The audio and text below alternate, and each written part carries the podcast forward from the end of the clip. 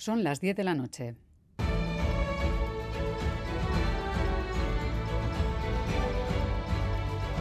Radio Euskadi y Radio Vitoria. Servicios informativos. Repasamos los titulares de la jornada con John Fernández Mur, Gabón. Gabón, Miriam, noticias de este jueves 15 de febrero en el que comenzamos mirando al Parlamento Vasco. Han quedado aprobadas las tres últimas leyes de la legislatura, la de infancia y adolescencia, la de cooperación y la ley trans. Todas han contado con un amplio apoyo de la Cámara. En el caso de la ley trans, su aprobación coincide con el aniversario de la muerte de Kai, el joven que se quitó la vida ahora hace justo seis años mientras esperaba un tratamiento hormonal. Hemos podido escuchar a su aita.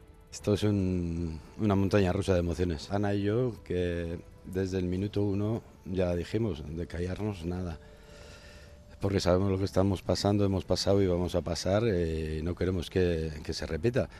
Ya sé que casi es imposible, pero bueno, si podemos salvar una o dos o las vidas que haga falta, pues eh, nos sentimos muy bien pagados, porque no queremos que ninguna familia pase lo que estamos pasando nosotros. La nueva ley ordena que en el plazo de seis meses Osakidecha ponga en marcha servicios de atención primaria para las personas trans en los tres territorios y establece protocolos de no discriminación en la educación y en el mundo laboral. La producción legislativa se da por finiquitada y por tanto el de hoy ha sido un pleno con tono de despedida. El Endacari ha reconocido que sabe ya la fecha de las elecciones, aunque no la ha comunicado y varios parlamentarios han aprovechado para despedirse. Aprobadas las últimas tres leyes que Iñigo Urcullu se fijó como objetivo para antes de los comicios y muy avanzadas las tres transferencias que se negocian con el gobierno español, empieza la carrera hacia las elecciones. La familia del menor de 16 años herido en un ojo durante una carga de la archancha en los carnavales de Tolosa ha interpuesto una denuncia por estos hechos. Y además crece la preocupación de la familia por el estado de salud del joven. El diagnóstico sobre su ojo derecho ha empeorado, se le estarán practicando nuevas pruebas y a la espera de los resultados la operación prevista para este jueves se ha retrasado. Recuerden que la Archancha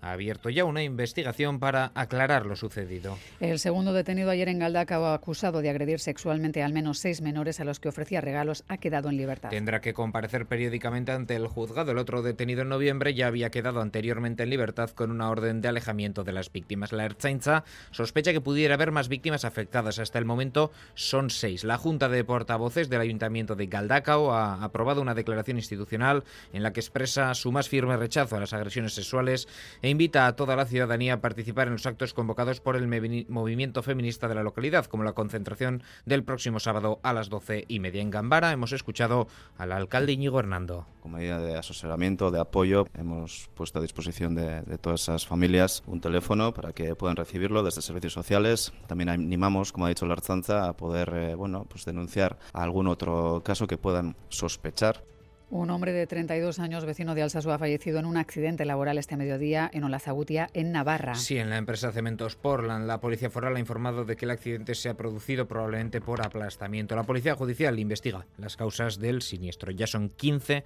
las personas fallecidas en accidentes laborales en lo que va de año en Egoalde, seis de ellas en Navarra y nueve en la comunidad autónoma vasca. Y en Bilbao ya conocemos más detalles eh, de la forma que adoptará el espacio liberado por el soterramiento de las vías del tren en Abando. Abando que es el nombre de la propuesta ganadora en el concurso de ideas. Se trata de un gran parque corredor verde que ocupará el espacio de las vías y que entrará incluso dentro de la bóveda de la estación actual que se mantendría. El arbolado se situará en el perímetro de ese corredor formando anillos y junto a estos los edificios de distintas alturas organizados en seis manzanas para un total de unas 1.000-1.100 viviendas. Así lo describen los promotores de la propuesta ganadora. La oportunidad que se nos daba era introducir la naturaleza en el corazón de Bilbao. Si veis, toda la propuesta se basa en un gran corredor que es capaz de unificar a su paso y vertebrar diversos barrios que están separados, pero que va a ser un salón de encuentro. Será una nueva arteria que conectará a Bando con Bilbao la Vieja. Es todo, más noticias en una hora y en todo momento en itv.eus y en la aplicación ITV Albisteac. Geruarte.